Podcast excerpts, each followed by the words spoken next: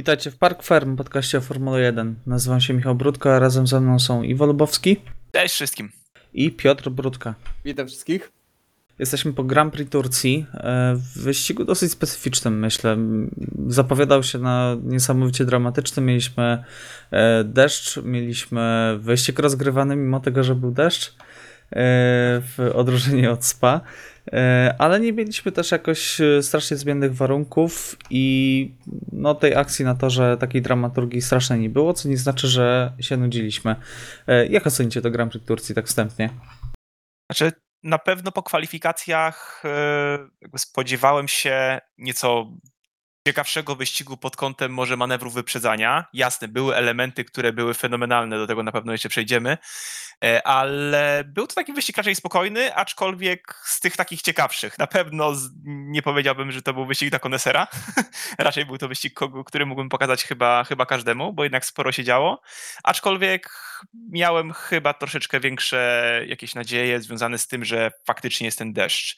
Wydaje mi się, że wielu kierowców pojechało bądź próbowało pojechać zachowawczo. E, wręcz na strategię z próbami przejechania, strategia, strategią zero-stopową.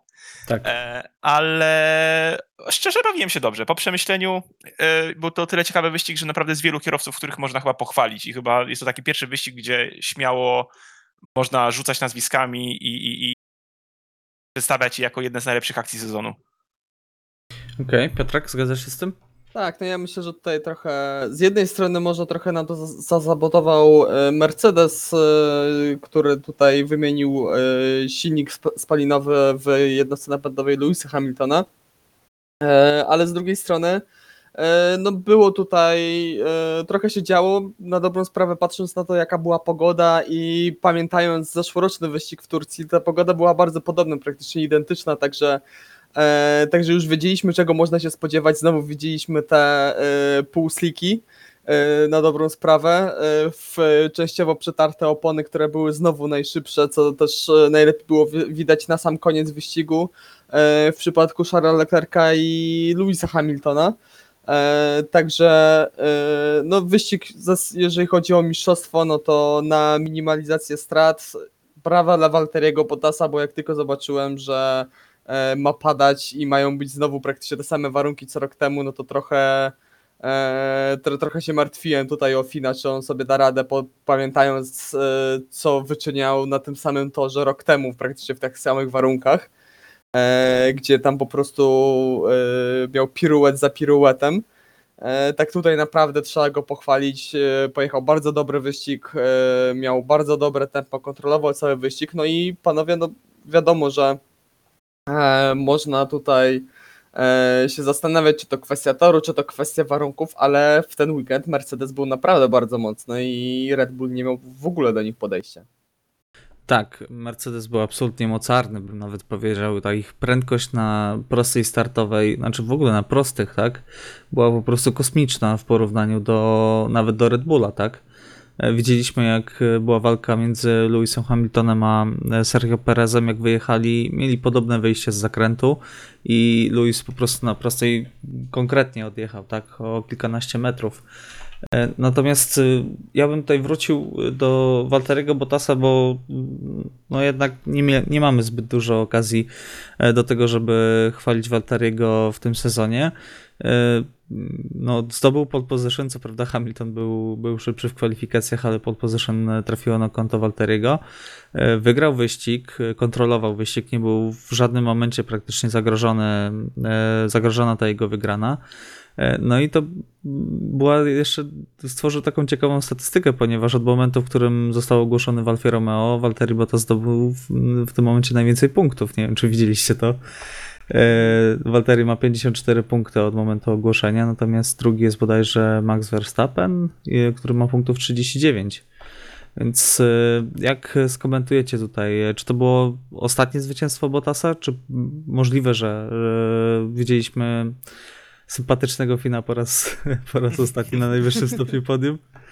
Znaczy, biorąc pod uwagę, jak szybki jest Mercedes i, i widzimy, że no, Red Bull w żadnym momencie tutaj nie dominuje, prawda? Były te wyścigi, w których mieliśmy zwycięstwo za zwycięstwem e, przeplatanego Maxa Verstappena z jednym Perezem w pewnym momencie e, w Azerbejdżanie. Gdzieś tam wtedy trochę się baliśmy, że jest to jakaś dominacja i że sezon będzie nu- nudny. Jak widać, no nic bardziej mylnego. Mamy teraz ile? Sześć punktów przewagi e, Verstappena nad Hamiltonem, także mistrzostwa trwają.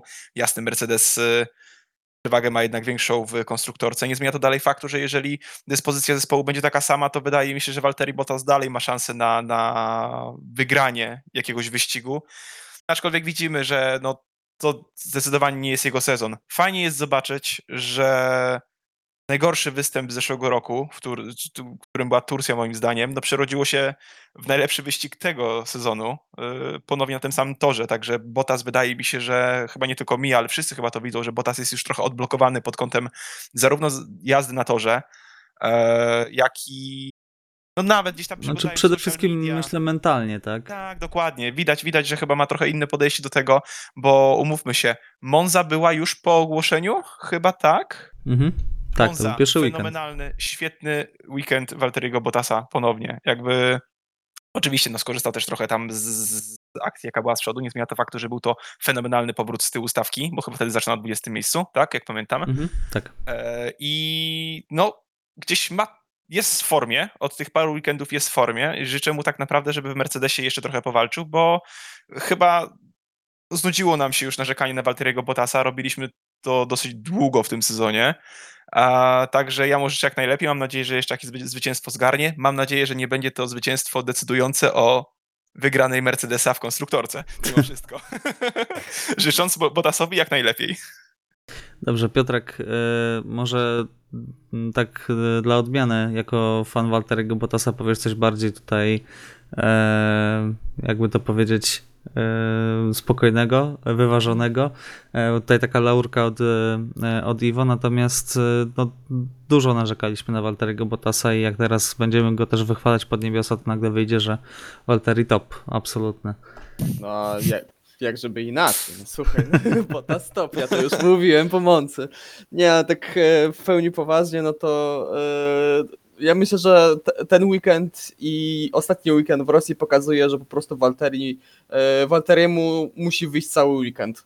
Że jeżeli po drodze coś się wydarzy, coś takiego, co go podbija psychicznie, co go przybija, coś, e, jakiś e, pechowy zbieg okoliczności, tak jak poniekąd można się spodziewać, jest pewna teoria, powiedzmy, a raczej oficjalny przekaz ze strony Mercedesa, że no w Rosji to nie była taktyka, tylko rzeczywiście musieli mu wymienić yy, tę jednostkę napędową. Yy, Także wtedy na teoretycznie jego torze, kiedy wydarzyło się, co się wydarzyło, no pamiętamy jaki miał, miał wyścig. No oczywiście wynik koniec końców był ok, ale, yy, ale tutaj... Miał no, mnóstwo szczęścia, żeby osiągnął ale ten dokładnie, ten, ten, ten, y, ale cały wyścig był, był, był po prostu nijaki. Jechał sobie gdzieś tam, już nawet Toto Wolf e, próbował na, na niego jakoś wpłynąć w trakcie wyścigu. E, tutaj ten weekend sz- szedł mu o wiele lepiej. Oczywiście teoretycznie patrząc na tabelę w, w, w treningach, no to nie wyglądało to jakoś e, mocarnie, ale w kwalifikacjach uzyskał bardzo dobry czas. Naprawdę e, ba, e, bardzo mocny był w trakcie kwalifikacji. E, też o mały włos przegrał na dobrą sprawę ten w Q3 to pole position, bo tam e, była jedna dziesiąta różnicy pomiędzy Mhm. Hamiltonem a Bottasem, także to naprawdę było fantastyczne kółko w wykonaniu Walteriego.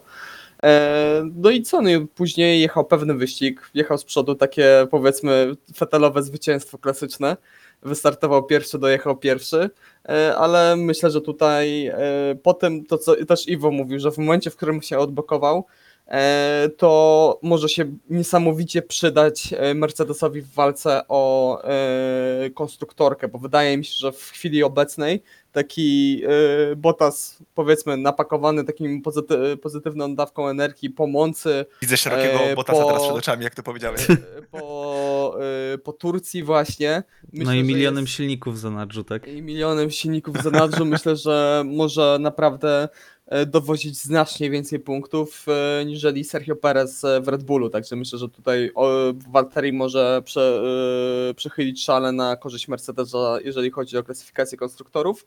A czy wygra jeszcze wyścig w tym sezonie? Zobaczymy, ile razy się rozbije Hamilton z, Bota, z, z Verstappenem. Szczerze powiedziawszy, bo jeden i drugi już obsłużył swoje kary, także y, jeżeli będzie weekend domi- dominacji Mercedesa, no to wiadomo, że wtedy Hamilton będzie wygrywał, a jeżeli będzie kolejny weekend spod znaku walka e, Hamilton-Verstappen, no to wiadomo na jaki poziom ta dwójka jest w stanie skoczyć. Także No tak. przy e, sprzyjających okolicznościach myślę, że, że je, jest w stanie jeszcze jakieś zwycięstwo odnieść i czego bardzo mu życzę, bo myślę, że zasłużył. Wiele razy został tak wyrolowany przez Mercedesa i też e, momentami po prostu mia, miał sporo pecha w tym sezonie. Jasne, narzekaliśmy na początku sezonu, ale myślę, że też na początku sezonu Waltery miał po prostu no, trochę e, sporo pecha. Okej, tego się trzymajmy, powiedzmy. E, Znaczy, no, nie to był fantas- pecha, nie. fantastycznie, no ale no, w, to Monaco, to na Imoli też e, był taki powiedzmy mniej jego było winy niż, niż, e, niż George'a Russella, E, także miał trochę tam przygód na początku sezonu, ale też nie mówię, że jeździł jakoś fantastycznie, tylko nie wiem, miał awarię za awarią. No okej, dobrze, to Walteri Bota stop, stawiamy kropkę w tym momencie, czekamy na więcej. E, To twoje natomiast, słowa.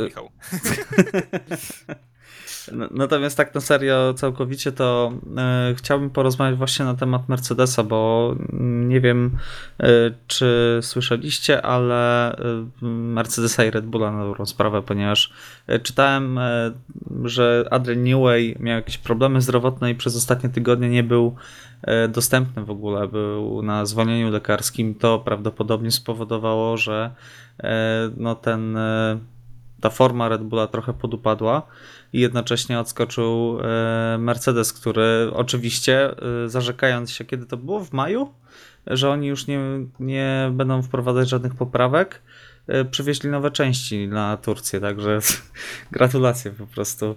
E, To były więc stare poprawki, które od- odlekły się w czasie. tak, oczywiście, już je projektowali w maju 2020 roku w covidowej przerwie. E, Także mm, jak zapatrujecie się na e, drugą część, e, na drugą część, na końcówkę sezonu, mamy już osiem- 18 października, kiedy to nagrywamy. Przed nami sześć ostatnich wyścigów. E, Jak sądzicie, jak to się e, potoczy? Czy Red Bull e, będzie w stanie podjąć tutaj jeszcze walkę, jeżeli chodzi o tempo, czy jednak no Mercedes, który zawsze miał strasznie mocne te końcówki sezonu, no będzie, będzie tutaj miał na pewno przewagę i no Max będzie musiał cuda wyczyniać, żeby ten tytuł zdobyć. Mamy przed nami dwa tory, które wydają się takie mocno Red Bullowe, patrząc na zeszły rok. Eee, znaczy, myślę o Meksyku, myślę o Brazylii, patrząc właśnie na ostatnie wyścigi. Abu Zabi w zeszłym roku. Abu Zabi też. dominacja, dominacja wręcz Maxa Verstappena. Ale tam Mamy- chyba, przepraszam, że ci przerwę, ale tam chyba Mercedes skręcił silniki już. No też mi się tak wydaje. No, tam, tam, tam Max po prostu odjechał, jechał zupełnie samotny totalnie wyścig. Mamy dwa wyścigi, które są totalną niewiadomą. Katar i, i, i Arabię Saudyjską. E, tutaj jak ja bym miał teraz oceniać, to Katar bym stawił bardziej pod Red Bulla, a Arabię Saudyjską pod Mercedesa, biorąc pod uwagę charakterystykę toru i zakrętów, ale to jest, mówię, totalny strzał. Stany Zjednoczone, na których nie jestem w stanie się zdecydować, a mam wrażenie, że to może być ciekawy wyścig, aczkolwiek biorąc pod uwagę proste, też raczej stawiałbym tutaj na Mercedesa. Szczerze mówiąc, za dużo niewiadomych, naprawdę. To ja tym, dla mnie jest to w tym momencie 50-50. Takie swoje, swoje gdzieś tam preferencje podałem co do torów, ale, ale dalej jest to moim zdaniem 50-50. Okej, no Meksyk zdecydowanie po stronie Red Tak. Bulla, bo oni tam byli mocni i nawet e, Mercedes był po prostu nie chyba. poza skalą, tak? E, Brazylia, no, Raczej Mercedes też. też, był, jest tam strasznie mocny, no, ale mm, no, możliwe, że, że tutaj Red Bull też będzie miał swoje szanse, tak? Ale dla mnie USA to jest tor e, bardziej Mercedesowy w No tym właśnie. momencie. Po tym jak patrzyłem, jak oni odjeżdżają na prostej wszystkim, nie wiem czy to była kwestia, nie wiem, może innego ustawienia bolidu po prostu na takie warunki. E, że po prostu to skrzydło było e, zamontowane inne, ale no, wyglądało to przerażająco wręcz momentami, e, jakby po prostu mieli DRS, a DRS był wyłączony przez cały wyścig. Pamiętajcie o tym. Nie, mi się wydaje, że oni piłują mocno silniki w Mercedesie. I bo nagle pamiętacie, jak była dyskusja właśnie, że Honda tak, na, to było na początku sezonu ze strony Mercedesa właśnie, że Honda strasznie piły silniki, e, żyłuje je i będą pewnie mieli problem z, e, z żywotnością tych jednostek napędowych e, pod koniec sezonu. Mamy teraz, widzimy teraz, że od paru rund Mercedes wrócił, powiedzmy, że znowu na prostych są naprawdę bardzo szybcy, tym bardziej, że no, Mercedes z reguły, tak porównując go do Red Bulla, e, ma bardziej e, agresywne to e, ustawienia aero, ten pakiet cały aero. E, Mają więcej e, docisku aerodynamicznego dołożonego do samochodu. Tutaj wiadomo, że e, jeżeli chodzi o aerodynamikę, no to Red Bull zawsze był niesamowicie mocny i oni mogą trochę zdjąć e, aero, jeżeli chodzi o e, skrzydła, bo mają bardzo dużo docisku i z podłogi, i z e, sekcji bocznych, także e, widać, że Mercedes naprawdę e, żyłuje mocniej te silniki i myślę, że tutaj też e, po- popierające moją tezę są w, e, wypowiedzi Toto Wolfa, który nie jest pewny, czy ta jednostka napędowa u Hamiltona e, wytrzyma do końca sezonu.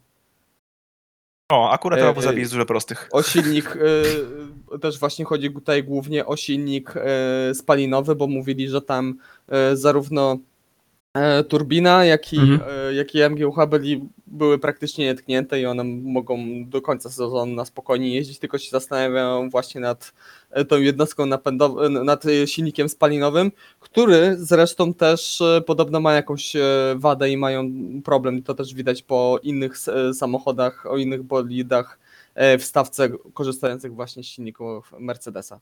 Ale to już nie pierwszy raz tak jest. Przecież ile razy było tak, że pojawiały się awarie silników nawet podczas wyścigów, e, ale w tych zespołach klienckich, a nie w Mercedesie. No, No. ten awarię Hamilton to miał wiadomo Malezja 2016 i chyba Austria 2018 i to Mhm. tyle. Tak, ale z takich mocnych e, awarii, że tak powiem, to Malezja była chyba ostatnią w 2016 roku, także No miał tak, to taką była bardzo awarię, spektakularna że, awaria. Że, że, musiał, że musiał skończyć wyścig.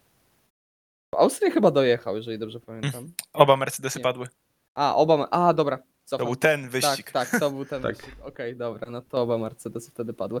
No ale zobaczymy, no to, tak jak e, tutaj Iwo mówił, mamy dwa wyścigi, powiedzmy Meksyk i powiedzmy Brazylia, e, bardziej na stronę tutaj Mercedesa, fu, e, Red Bulla. Jeśli chodzi o Stany, to ja tutaj w ciemno bym stawiał na Mercedesa. Mercedesa, a, tak jest. E, ostatnią trójkę, wiadomo, zobaczymy. To, to są naprawdę mocną e, niewiadomą i myślę, Nie, jest że... inne, słowo- jest, jest inne I sformułowanie myślę, na to. że, że myślę, To że zależy. tak, to zależy. E, Abu Dhabi też nie, nie jestem w stanie tutaj teraz e, powiedzieć, który zespół był mocniejszy. Zobaczymy właśnie kto i czy je, będzie przywoził jakie poprawki do końca tego sezonu. No bo Okej. zostało bardzo mało czasu. Dobrze, to może wróćmy y, do Grand Prix Turcji, y, bo jednak działo się tam nadal całkiem sporo ciekawych rzeczy. Y, Mieliśmy bardzo ciekawy wyścig. Właśnie drugi raz, tak jak Piotrek już wspominałeś, mieliśmy sytuacje, w których mieliśmy te całkowicie starte intermediaty, które zachowywały się fantastycznie w tych warunkach. Nie wiem, czy to jest charakterystyka tego toru, charakterystyka tam panujących warunków, E, ale no, na innych torach nie ma takich sytuacji, tak? Albo są intermediaty, albo po prostu w pewnym momencie wyjeżdżamy na e, sliki i jedziemy, tak? Natomiast e, tutaj po prostu jakieś czary totalne się dzieją e, z tymi oponami. Mamy e, wyjeżdżać na świeżych oponach, jesteś wolniejszy, one muszą się zetrzeć i dopiero wtedy łapią przyczepność. No, to- jest w ogóle jakiś kosmos. O co z tym chodzi? Znaczy, ja Byliśmy- myślę. E, Ja myślę, że to po prostu była kwestia warunków tutaj, bo e, przez cały wyścig, no, komentatorzy nie wiem jak na F1 TV, ale z tego co pamiętam na Eleven za bardzo o tym nie wspominali, ale przez cały wyścig e, leciutko padało. To był taki naprawdę lekki deszcz, ale tutaj cały czas padało i co kierowcy przyjeżdżali i z, e, udrażniali powiedzmy trochę tę linię wyścigową z wody, osuszali ten tor, to tutaj cały czas padało, cały czas, to nie były mocne opady, ale cały czas tej wody cały czas e, przybywało e, na torze, także myślę, że tutaj akurat trafiły nam się na jednym torze dwa takie bardzo charakterystyczne wyścigi pod rząd, gdzie akurat te właśnie starte intermediaty były najszybsze. No byliśmy bardzo blisko, to był ten moment, że byliśmy bardzo blisko slików. Jak widzieliśmy, no Fetel niestety troszeczkę podjął złą On decyzję. przestrzelił, tak. Przestrzelił, przestrzelił, ale cały, znaczy może wsadzę, że cały wyścig, ale od połowy wyścigu już powoli mogliśmy oczekiwać tego momentu, tych informacji, głośnego rozmawiania o slikach, ale no Tak, pojawiała się ta blisko. linia, tak? dokładnie, byliśmy bardzo blisko i jakby jest to drugi wyścig z rzędu, w którym byliśmy tak blisko. No rok temu jeszcze była ta nieduże śliska nawierzchnia, ale w tym roku No tak, było lepiej. I myślę, że to w tym roku była główna kwestia deszczu, a wtedy jeszcze doszły te, ten mega śliski tor, który był no niedorzeczny. No dobrze, to jak sądzicie, czy y, no, musimy o tym wspomnieć? y, Czy Lewis Hamilton popełnił po prostu y, błąd, nie słuchając się zespołu, tak? Bo mieliśmy sytuację, w której zarówno Leclerc, jak i Hamilton zostali i myśleli o tym nawet, żeby dojechać na tych oponach do końca. E, Udało się to jednemu kierowcy, o którym wspomniałem trochę później. E, Natomiast e, no, Leclerc e, jechał na czele, mogli zaryzykować, nie mieli zbyt wiele do stracenia, e, ale w momencie, w którym Bottas wyprzedził Leclerca, no to e, zjechali po te opony. Natomiast Hamilton uparcie tutaj twierdził, że e, no, dojedzie na tych oponach, tak? Po czym jednak zespół postawił na swoim po kilku okrążeniach. I okazało się, że po tych kilku okrążeniach e, no, Luis sporo stracił, tak? e, W stosunku do Pereza, w stosunku do Leclerca.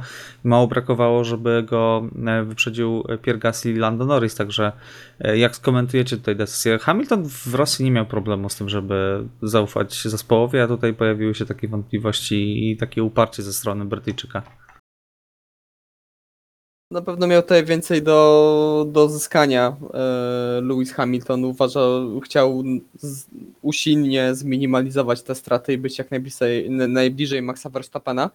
E, ja trochę też właśnie nie rozumiem tej decyzji, szczerze powiedziawszy, bo gdyby zjechał od razu za Sergio Perezem, no to nadal byłby w miarę blisko niego i mógłby cały czas walczyć. No tutaj jeżeli chodzi o Skończyłby pewnie na podium. Pewnie by skończył, skończył albo na podium, albo by był gdzieś tam blisko. No pewnie biorąc pod uwagę, jaką decyzję podjął, e, podjęło Ferrari, no to skończyłby, tak jak mówisz, skończyłby na podium, także e, no zaryzykował. E, myślę, że biorąc pod uwagę jego doświadczenie i jego umiejętności e, w oszczędzaniu e, opon w Formule 1, myślę, że był w stanie dojechać na tych oponach do końca, mimo że te opony były już naprawdę bardzo, e, bardzo w bardzo złym stanie, już się przebijały tam ele, elementy konstrukcji opony przez, przez gumę.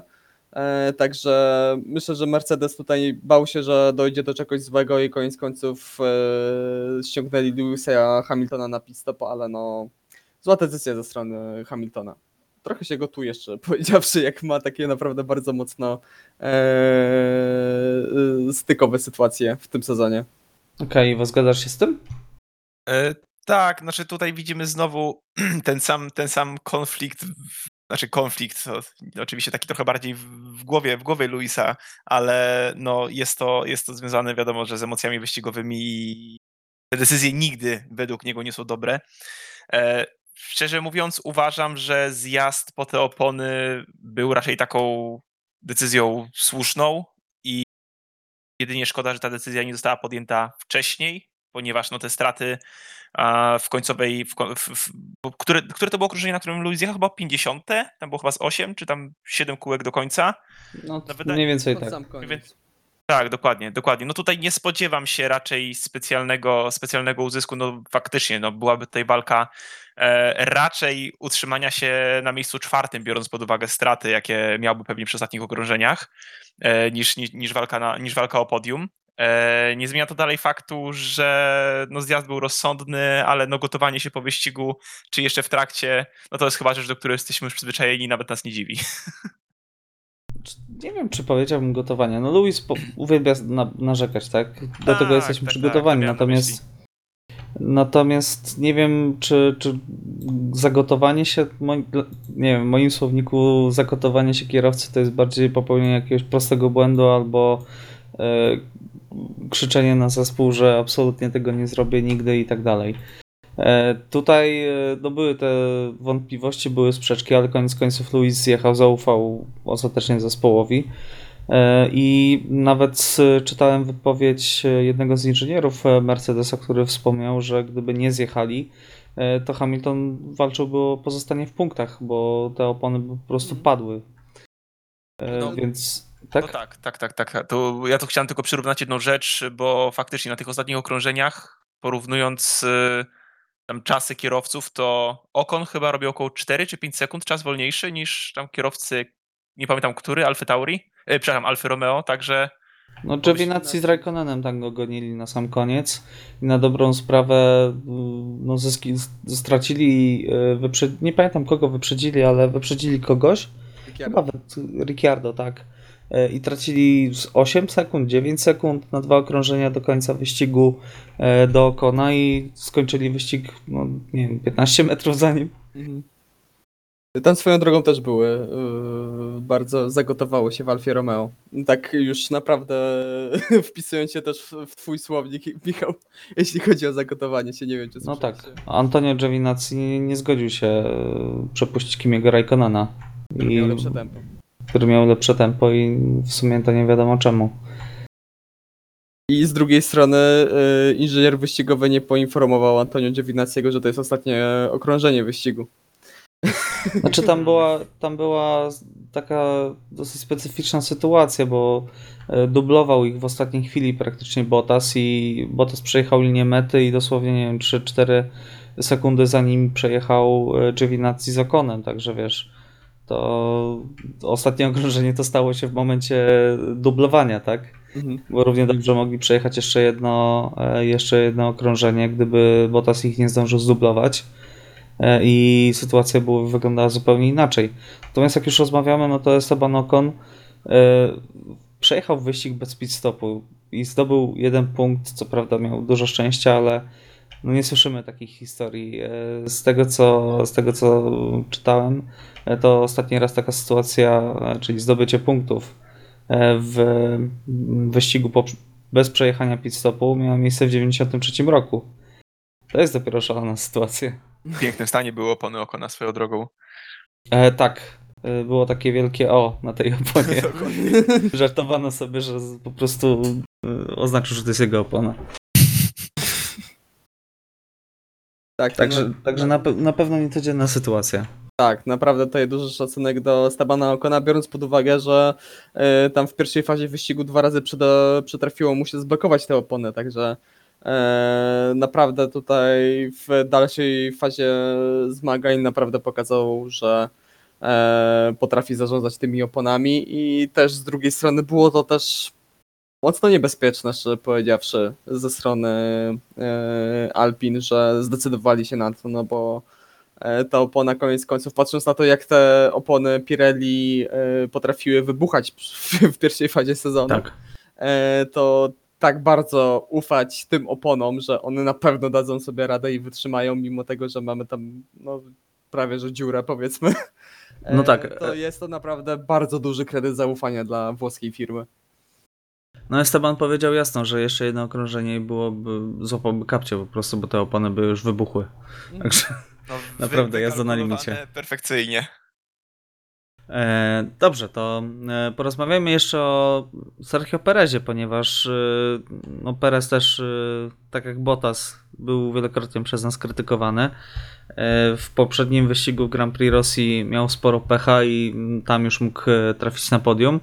E, Natomiast tutaj e, to upragnione podium e, w końcu się przytrafiło pierwszy raz od czerwca. No mieliśmy tutaj taką małą albonową serię trochę w wykonaniu Sergio. I słychać było nawet w komunikacie radiowym zaraz po minięciu mety, że zeszło powietrze, zeszła pompka trochę z Sergio Pereza i było to odetchnięcie, że w końcu wracamy na podium.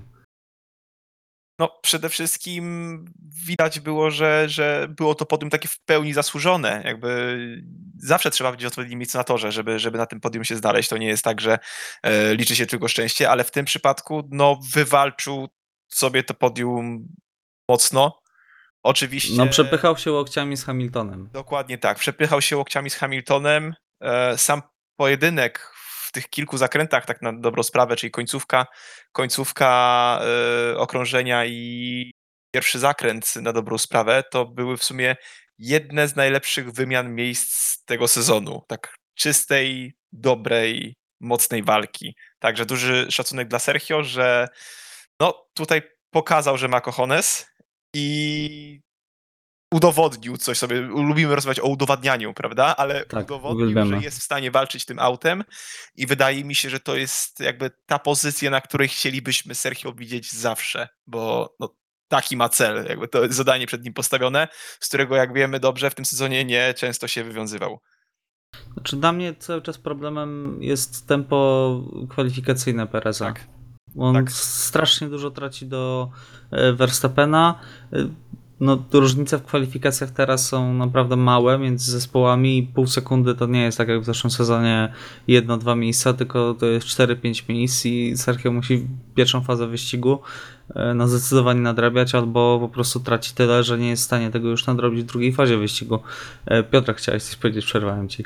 E, Tak, no to jest to też co powiedziałeś na dobrą sprawę, że w pierwszej fa e, fazie sezonu mówiliśmy, że w kwalifikacjach sobie naprawdę dobrze radzi, e, a trochę traci w tempie wyścigowym. Tutaj najbardziej sobie przypominam kwalifikacje na Imoli, gdzie prawie zdobył po- pole position i naprawdę w tych pierwszych rundach sobie bardzo dobrze radził w czasówce. E, Tak tutaj mamy na dobrą sprawę sytuację na odwrót też. Z jednej strony zaczął być przyrównywany do Albona, z drugiej strony też e, w szczególności George Russell i e, osoby z nim sympatyzujące lubiły podkreślać, że Perez i właśnie Russell zdobyli w ostatnich tam czterech czy pięciu wyścigach tyle samo punktów. E, także tutaj naprawdę te statystyki wyglądały bardzo negatywnie dla Pereza.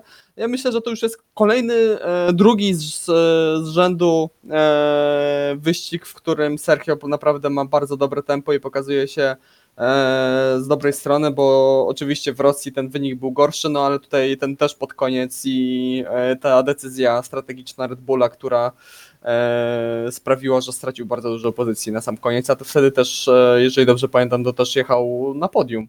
E, Tak, także- przed, przed tym sza, tą szaloną końcówką e, Sergio był na trzecim miejscu. No dokładnie, także tutaj już mógłby mieć na dobrą sprawę dwa podjazd z rzędu, także e, no pozbierali się ci drudzy kierowcy zarówno w Red Bullu, jak i w Mercedesie. Zobaczymy jak to e, będzie wyglądało pod koniec sezonu, czy e, właśnie ze względu na rywalizację w e, konstruktorce. Okej, to myślę, że możemy tutaj powoli stawiać kropkę nad y, Grand Prix Turcji. Mamy jeszcze trochę tematów do omówienia, natomiast y, mam pytanie, czy kogoś chcielibyście jeszcze wyróżnić y, po tym wyścigu? Moim zdaniem Fernando Alonso zasługuje Mhm. tutaj na takie e, duży plusik, jeżeli chodzi o kwalifikacje, ponieważ to były jego najlepsze kwalifikacje od Japonii w 2014 roku. No. Także troszeczkę czasu minęło. Od Tak. kiedy Fernando startował z drugiego rzędu. Szkoda Ko- tego pierwszego okrążenia, naprawdę. Oj tak. To ja się osobiście nie zgadzam e, z karą dla Pierre'a Gasly'ego, e, Mhm. ale to, to był taki typowy incydent wyścigowy. E, Z jednej strony e, Gasly mógł zostawić mu trochę więcej miejsca, z drugiej strony e, Fernando Alonso e, jechał po zewnętrznej i wydawało mu się, że e, zostawił wystarczająco miejsca e, Pierowi. E, No ale Fernando Alonso nie wiedział, że tam jadą we trójkę w ten za- wjeżdżają we trójkę w ten zakręt, także e, nie- rozumiem trochę tej decyzji, e, biorąc pod uwagę, że jeszcze dostał za to Pierre Gasly dwa punkty karne. No to jest dla- w ogóle szok już. Dla porównania dwa punkty karne dostał również na przykład Valtteri Bottas za incydent w, na Węgrzech. Albo Lewis Hamilton Albo chyba Lewis też Hamilton. dostał. Także- Za zezłomowanie Maxa Verstappena. Także, e, także widzimy konsekwencje tutaj u sędziów i to, że zawsze podejmują te same decyzje, niezależnie od incydentu. Także no szkoda, też również mi szkoda. Ja też chciałbym osobiście wyróżnić e, Charlesa Leclerca, bo naprawdę tempo wyścigowe miał fantastyczne. I e, oczywiście straci, przegrali to podium ze względu na decyzje strategiczne, no ale e, myślę, że nie ma też co bardzo Ferrari winić tutaj za tą strategię, którą obrali, bo no koniec końców mogła ona zadziałać. Była szansa na to, że ona mogła zadziałać. Tak, albo była szansa na to, że Tor po prostu na tyle przeschnie, że wyjadą na miękkich oponach i, Tak, i wygrają wyścig, tak. Natomiast absolutnie hitem jest yy, wiadomość Jawa, tak, do Charlesa. Nie, to jest po prostu takie grande strategie, po prostu. Dla tych, którzy nie, nie słyszeli tego, e, Charles Leclerc e, pyta swojego zespołu, o jakie miejsce walczy. E, Jadąc wtedy na pierwszym miejscu i próbując dojechać na tych oponach do końca, zespół mu odpowiada, że jeżeli nie dasz się wyprzedzić, to wygrywamy. Także brawo. Patrząc na te komunikaty radiowe, które dostaje Charles Leclerc, to mi się wydaje, że zaczyna, y, że jego inżynier wyścigowy musiał bardzo mocno nakłamać w CV. Zanim został przyjęty do tej pracy, Znaczy, albo to jest jakaś, albo to jest, technicznie. Albo to jest bardzo daleka rodzina Binotto, bo to tak brzmi jakby, momentami naprawdę tak brzmi jakby ten człowiek kompletnie się nie zna na tym, co, co robi i co mówi. Technicznie nie skłamał. No, No tak, no nie, no oczywiście. No. trudno dyskutować z taką logiką. Tak. Ja, żeby nie przedłużać tego tematu, tylko dodam w sumie za, za, trochę za to samo co Szal, bo Szal y, pojechał bardzo solidny wyścig y, i mocne kwalifikacje. To taki plusik, tylko że trochę mniejszy, ale również dla Pierre Gasly'ego za naprawdę świetne kwalifikacje, bo tutaj mówimy o a, piątej pozycji, tak? O piątej pozycji. Mhm. No i szóste miejsce w wyścigu po incydencie, który miał miejsce. W dalszym ciągu wydaje mi się, że naprawdę taka forma Piera, taka klasyczna forma Piera, Piera w tym momencie wróciła. No i jeszcze nie powiedzieliśmy ani słowa o Macherze? kierowcy dnia. Nie. A, A, czemu, e, no jak chcesz powiedzieć o Mikuszu Macherze, to proszę bardzo. Dostał się do Q2 Faktycznie, w hasie, faktycznie. A to już drugi raz. ale to A ten pierwszy taki trochę... a tutaj były w miarę równe warunki w Q1 i dostał się do Q2 i startował z 14 pozycji. Także Po, naprawdę po czym bardzo dobrze. przypłacił to speedem, który zafundował mu Fernando Alonso. Tak, tutaj też szkoda y, bardzo Mika Schumachera. No, nie, nie snuje tutaj jakiejś wizji, że, udało, że miałby jakieś bardzo dobre tempo i powalczyłby o wyższą pozycję niż, niż przedostatnia, ale naprawdę szkoda, że tak szybko się skończył dla niego ten wyścig na dobrą sprawę. Ale duże brawa i naprawdę y, duży szacunek za to, że tą już powiedzmy taczką od Hasa udało mu się dostać do Q2. Tak, to zdecydowanie taki przebłysk y, pokazujący, że, że może mieć całkiem spory potencjał. Mam nadzieję naprawdę, że Has w przyszłym roku się ogarnie i zbuduje jakiś konkretny bolid y, pozwalający na walkę o punkty. Y, Bo chciałbym zobaczyć po prostu potencjał tych kierowców, bo nie ma co oceniać ani Mazepina, ani Schumachera po tym sezonie. Tak? No, jedyne co możemy wiedzieć, że to to, że Mazepin nie lubi przepuszczać innych kierowców i tak jednym okiem chyba patrzy na te wszystkie niebieskie flagi, które mu wieszają. No w chacie mamy bliźniaczą sytuację do tej z Williamsa w 2019 roku, gdzie nie wiedzieliśmy do, dokładnie w jakiej formie jest Robert Kubica i też nie wiedzieliśmy jak naprawdę dobry jest George Russell. Kompletnie dwa znaki zapytania. Na szczęście teraz wiemy, że George Russell jest dobry i będzie jechał w Mercedesie. Dokładnie. No dobrze. E, To jeszcze chciałbym wspomnieć o Carlosie Sainzu, który został wybrany po raz pierwszy w karierze na kierowcę dnia, także mm, też jechał z ostatniego miejsca. E, Dojechał na miejscu ósmym, o ile mnie pamięć nie myli. Tak jest. Naprawdę kilka świetnych manewrów wyprzedzania. Jeden nie najlepszy, kiedy prawie stanował, staranował Sebastiana e, Vettela, także e, też tutaj ode mnie mały plusik, nie wiem czy się zgadzacie. I przede wszystkim kierowcy Ferrari dzieli pół punktu w tym momencie. Jesteśmy po 16 wyścigach. 15 wyścigach chyba, przepraszam. Cóż, no, z wyścigu na wyścig najrówniejszy zespół. nie ma co ukrywać. No szkoda, że Ferrari e, nie ma takiej dobrej formy jak miał, mieli parę lat temu, jeszcze za pana Arriva Bene. E, ale naprawdę jeżeli Ferrari dostarczy w końcu naprawdę taki mocny bolid, e, który będzie pozwalał im regularnie walczyć, walczyć o podia, to ja myślę, że naprawdę oni będą mogli wtedy może nie zdobyć e, mistrzostwo któryś z tych kierowców, bo, bo bolid będzie za słaby, ale naprawdę będą walczyli, wydaje mi się, o tytuł konstruktorów e, z taką dojeżdżalnością, z taką równą jazdą, jaką prezentuje zarówno jeden, jak i drugi kierowca. E, Przy czym też warto wspomnieć, że no Charles Leclerc ma tam dwa albo trzy wyścigi, których nie ukończył w tym sezonie. I myślisz, że 17 albo 18 rok z takim line-upem wiążałby się z takim zwycięstwem? No ja Ferrari? właśnie jestem ciekaw, Ja, ja myślę, że wtedy mogliby powalczyć o tytuł konstruktorów. Nie, nie, nie wiem, czy Charles Leclerc albo Carlos Sainz byliby w stanie wtedy pobić Lewisa Hamiltona, e, ale myślę, że z, z, z taką e, z jazdą na takim poziomie naprawdę mogliby wyprzedzić Mercedesa. no z takim nielegalnym silnikiem na pewno by nie odstawali na prostych. Wtedy jeszcze nie był aż tak nielegalny. Tak, to było przed ugodą, także to było wszystko super. Aż do Grand Prix USA, e, kiedy sprawa wyszła na jaw.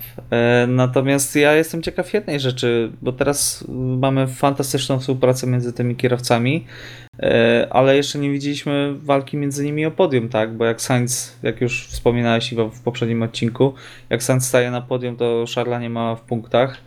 E, Jak Charlie jest na podium, no to albo walczy o podium, e, to Carlos e, też musi, nie wiem, startować z końca stawki albo nie dostaje się do Q3. E, Więc jestem ciekaw, jeżeli Ferrari naprawdę przygotowałoby taki topowy bolid, to czy ta świetna współpraca i ta dojeżdżalność byłaby taka sama, czy nie zaczęłyby się tutaj jakieś gierki i taka walka na noże. No to można powiedzieć no, równie dobrze w każdym wyścigu, no, w każdym zespole e, w stawce, e, że wiadomo, że kierowcy we dwójkę mogą się dogadywać, e, że mogą naprawdę ta relacja między nimi wyglądać bardzo dobrze, a jak przyjdzie co do czego, kiedy przyjdzie do walki o, o najwyższe pozycje, o tytuł, no to wtedy kończą się przyjaźnie, kończą się znajomości i zaczyna się walka, walka na noże na dobrą sprawę. Najlepszy przykład to jest Nico Rosberg i Lewis Hamilton, który, Miałem którzy, pytać, czy znasz jakiś dobry jeszcze- przykład? którzy jeszcze w 2013 roku się świetnie dogadywali. Yy, Wiele było słów, że są naprawdę przyjaciółmi również w prywatnym, w prywatnym życiu. No jak to się skończyło, wszyscy pamiętamy. Dobrze. Także Tak. myślę, że tutaj yy, nie ma, nie ma wyjątków, że tutaj w każdym zespole w końcu za, zaczę, zaczęłyby się tarcia, jeżeli mamy dwóch yy, kierowców naprawdę na zbliżonym poziomie. No dobrze, to myślę, że możemy postawić kropkę e, przy Grand Prix Turcji e, i porozmawiamy o tym, e, co już zapowiadaliśmy ostatnio, e, czyli kalendarz na sezon 2022. E, Kalendarz, e, który ma trochę nowych e, torów. Mam na myśli tutaj Miami. Mamy kilka torów, które chyba nie chcielibyśmy widzieć.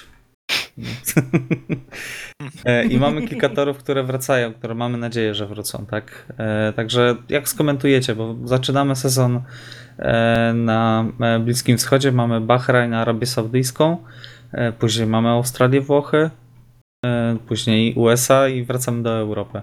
Także e, Piotrek, jak Ci się podoba ten fantastyczny kalendarz? Nie wiem, kto to układał, naprawdę. Biorąc pod uwagę, że tyle mówimy teraz o e, ekologii w Formule 1, o redukowaniu tego śladu węglowego, o tych wszystkich rzeczach, które ja nie chcę tutaj negować i e, mówić, że to są wszystko głupoty, ale w tej sytuacji, no. Ja tego nie rozumiem. Czemu z Australii jedziemy na Imole, później do Miami i wracamy do Hiszpanii? To jest naprawdę dla mnie coś. A miesiąc później z... Jedziemy do jedziemy do Azerbejdżanu. I do Montrealu, tak? żeby wrócić do Wielkiej Brytanii. No. Ludzie.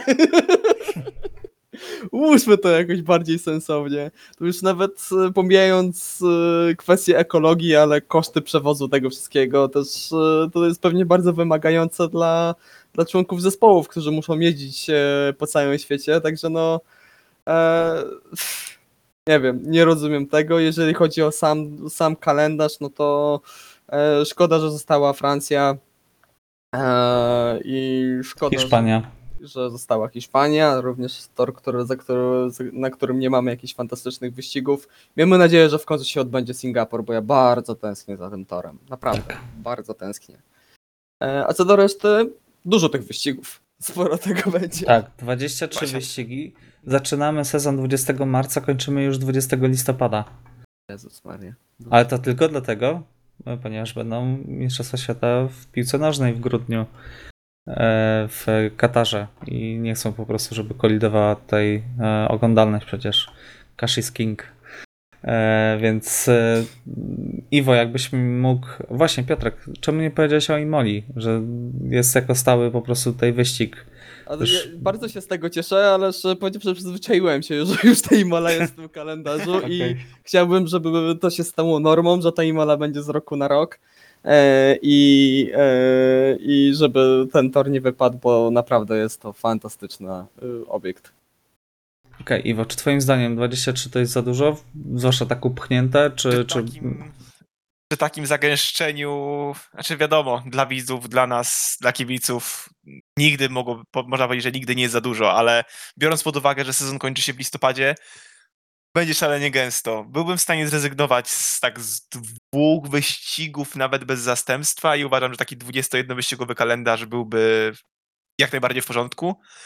E, natomiast, no tak, to ciekawość jednak. Może jak Arabia Saudyjska będzie dobra w tym roku, to faktycznie będziemy na nią czekać na przyszły. Miami, nie wiadoma, bez dużych, można powiedzieć, bez dużych jakichś specjalnie e, oczekiwań, ale no przede wszystkim każdy tor może być w tym przyszłym sezonie zupełnie inny, biorąc pod uwagę, jakie konfiguracje samochodów będziemy mieli. Także lepiej by było jednak, gdyby ten sezon kończył się w grudniu. Jak dobrze wiemy, Cash is King. Także list po, po listopadzie można powiedzieć, że będziemy już czekać śmiało na 2023. Eee, no, ciężko mi powiedzieć. Brakuje mi kilku fajnych torów. Brakuje mi przede wszystkim Turcji, która, którą nie wiem, czy nie widziałbym jej chętniej niż Imoli, mimo wszystko w kalendarzu. E. Na razie mamy, na razie mamy 50-50, jeżeli chodzi o ciekawość na Imoli. Najnudniejszy wyścig 20 kontra jeden z lepszych 21, także uważam, że i tak jest całkiem nieźle. Najważniejsze tak naprawdę jest to, żeby zobaczyć tory, których nie widzieliśmy teraz. Jakby patrzę na, patrzę na Singapur, patrzę na Suzukę, jako takie tory, za którymi tęsknię chyba najbardziej. Montreal, Tak, tak, też. I Australia. Melbourne. Chociaż już słyszałem, już słyszałem głosy, że no, wyścig w Melbourne może się nie odbyć. E, I jeżeli się teraz już nie odbędzie, to bardzo możliwe, że Liberty rozwiąże kontrakt i nie zobaczymy Australii przez wiele, wiele lat. To jeszcze w taki dzień, 10 kwietnia, Australia. No, pobudka Taki, na ranek. tak. Strasznie e, tęsknię za porannymi wyścigami, naprawdę. Nie wiem jak wy, ale, ale no zawsze, było, zawsze było w tym coś, co, co- coś fajnego. Nie widziałem tych wyścigów wiele, ale że, że tak powiem, szlafrok plus kawa do wyścigu to nie jest coś, co z reguły robimy, ale no fajnie by było, fajnie by było coś takiego obejrzeć. Kiedyś to się wstawało na Australię, co? Tak. e, Kiedy, kiedyś Australia była o trzeciej czy czwartej? Kwalifikacje O czwartej. były o trzeciej, wyścig był koło czwartej. Coś w tym stylu. Ja Dobra, pamiętam, że jak się jak wyścig Amerykanie kończył, to ja jadłem śniadanie wtedy. Pomyślcie, jak bardzo przerąbane mają Amerykanie, którzy chcą regularnie oglądać Formułę 1 w części europejskiej. Oj, tak. No trudno. No, Można się szkoda, przeprowadzić do Europy, weź kredyt Tak. i pracę. Ja jeszcze tak odnośnie kalendarza e, mi szkoda, że nie ma, nie ma toru e, któregoś e, w Niemczech. Tak. Ani nie ma Hockenheim, ani nie ma Nürburgringu. Wiem, że w ostatnich latach to była raczej, raczej norma i te, te, niestety nie zapowiada się, żeby te wyścigi wróciły w Niemczech, ale no no kiepsko, szkoda, bo tam są naprawdę dwa tory, które są, mają dużo historii, naprawdę często widzieliśmy tam bardzo do, dobre wyścigi, a ten wyścig w Miami, nie wiem, jakoś strasznie mi Znaczy- nie leży. Jak patrzę na, na tę nitkę toru, to Ja nie chcę jakoś przesadnie bronić, natomiast prędzej wyrzuciłbym któryś z torów, który znamy i mamy pewność, że nie są to ciekawe wyścigi. Jednak Miami, jak już ma się odbyć ten raz chociażby, aczkolwiek wiemy, że to nie chodzi tylko o raz raczej. no nie. Do, e, do kiedy jest w ogóle kontrakt? Kojarzycie? Ma z, z, jeżeli chodzi o Długoletni. Jest ten A, kontrakt. dobra, to się nie Teraz spodziewamy. podpisują te Natomiast- kontrakty naprawdę długie. Mimo wszystko, mimo wszystko gdzieś tam to Miami raz bym zobaczył, nawet z tej ciekawości, ale no nie trzymałbym na siłę e, na przykład. No, Francja w tym roku była ciekawa, no nie No będę właśnie. ukrywał. Francja była ciekawa, ale Hiszpania. No Hiszpanię definitywnie bym wykasował z tego kalendarza, mimo wszystko. Odnośnie kontraktu Miami to 10 lat. A, Czyli, czyli bliźniaczy Och. na dobrą sprawę kontrakt do tego y, w Katarze. Ale jedno mi przynajmniej cieszy, że nie sprawdziły się plotki Monako jest. To Tak. bez żadnych tam gwiazdek, e, kontraktów i tak dalej. Bo jest kilka torów, które mają takie oznaczenia, że Tak. musi być kontrakt podpisany, musi być homologacja. Tak jest z Singapurem, z Austin, e, z Barceloną, także jest jeszcze nadzieja. E, Jest, jest Imola i jest Miami, tak? Miami musi jeszcze homologację uzyskać. Mm, Ja osobiście też bym wyrzucił z dwa wyścigi. e, Jeżeli mógłbym dodać sobie jakiś po prostu tutaj tor, to ja chciałbym Sepang zobaczyć. Grand No. Prix Malezji. Oj tak. Też, też pobudka rano, także Iwo byłbyś zadowolony. E, I tor, który a już po nie pierwsze też. zobaczyć na żywo tego wyścigu, w sensie o, o, oglądać faktycznie w trakcie sezonu. No tak, no a zawsze Kiedy- był, był 17 na początku. 16? y, W 16 chyba był ostatni wyścig. Tak, no właśnie. E, I, I też były naprawdę bardzo ciekawe wyścigi na tym torze. E, I też był zawsze na początku sezonu, także była ta jeszcze ekscytacja, że nie wiadomo było do końca jaki jest układ sił, tak. No ale trudno. No, były plotki w zeszłym roku, ale jak się nie pojawił Sepang w zeszłym roku i w tym roku, to, to raczej wątpię, żeby się pojawił. Zwłaszcza, że chętnych na organizację wyścigów jest mnóstwo, zwłaszcza z Bliskiego Wschodu.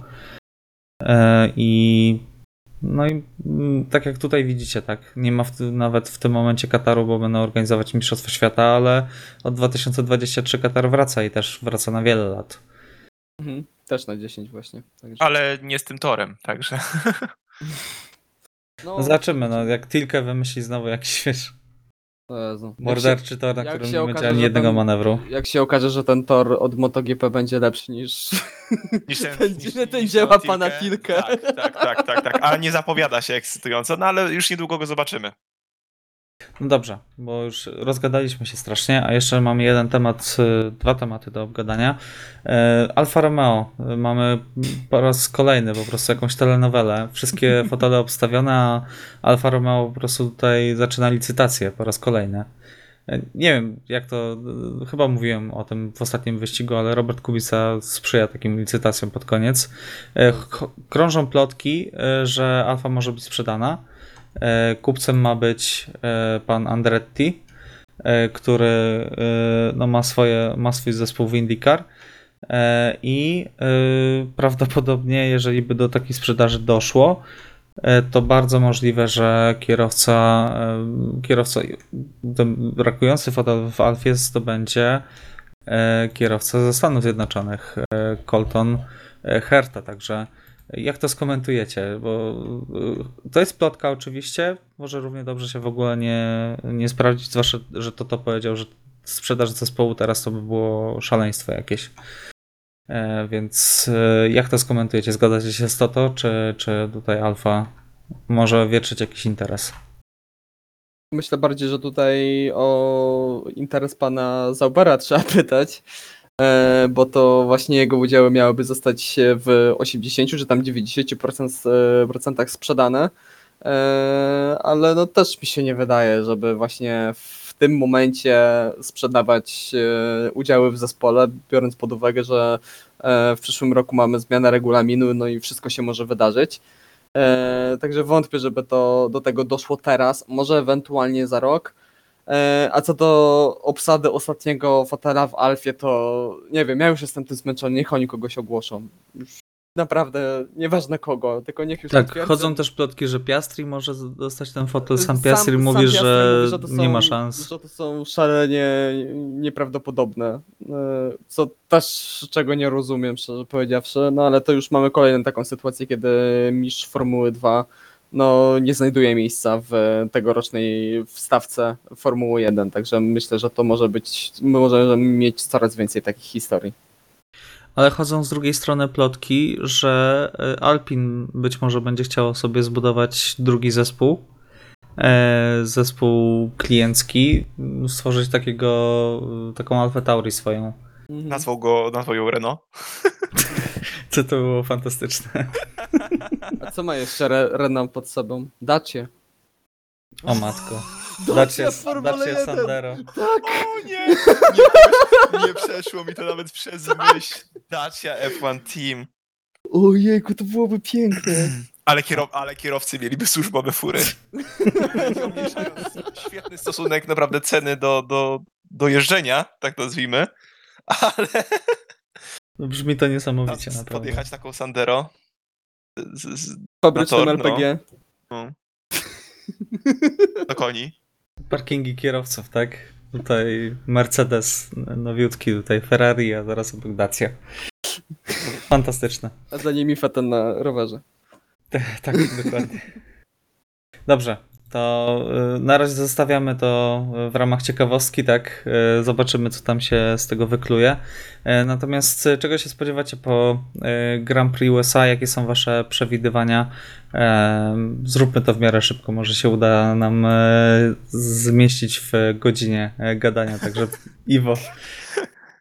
E, Dużo prostych, więc Mercedes, tak jak wcześniej rozmawialiśmy i wszyscy się zgadzaliśmy. E, Bardzo lubię ten tor, no liczę na jakąś fajną powtórkę chyba z 2018, było świetne, świetne ściganie, także mimo, mimo, mimo e, tych prostych i raczej tego, że to Mercedes gdzieś tam będzie może nie dominował, ale mocno prowadził, tak, spodziewam się jakiejś fajnej walki pomiędzy Verstappenem a Hamiltonem, a może Perezem i Bottasem. Także w kwalifikacjach stawiam na, w tym przypadku Walteriego Bottasa, zwycięstwo Lewis Hamilton, a kierowcą dnia zostanie Pierre Gasly. Okej. E, Piotrek, czego ty się spodziewasz i jak stawiasz? Ja również tutaj stawiam na e, Mercedesa w ten weekend. Mam nadzieję też, że na trybunach się pojawi ten kibic, który imitował dźwięki bolidu. Właśnie miałem pytać. E, Także ja stawiam w sobotę Lewis Hamilton, w niedzielę Lewis Hamilton, a kierowcą dnia zostanie Fernando Alonso, bo Alpin jest ostatnio naprawdę do, w dobrej formie. Okej. No dobrze, to w takim razie ja muszę iść pod prąd. E, w sobotę stawiam na Louisa Hamiltona, Wow. natomiast w niedzielę na Maxa Verstappena i kierowcą dnia e, pomyślmy e, zostanie Sergio Perez. Mamy jakąś słabość do Pereza. Stawiam już chyba siódmy czy ósmy raz w tym sezonie na Sergio Pereza na kierowcę dnia. E, natomiast e, odnosząc się do wyników Turcji, to mm, chciałbym Ci Iwo bardzo pogratulować, ponieważ e, trafiłeś kierowcę dnia. Tak jest. Znowu. Trafiłeś Tak także jest. w zwycięzcę kwalifikacji, e, przez co e, odskakujesz o kolejne dwa punkty. Postawił na E, Bottasa? Postawił na Bottasa. O, Oh yeah! Nawet. A ja miałem dylemat, czy Bottas, czy Hamilton.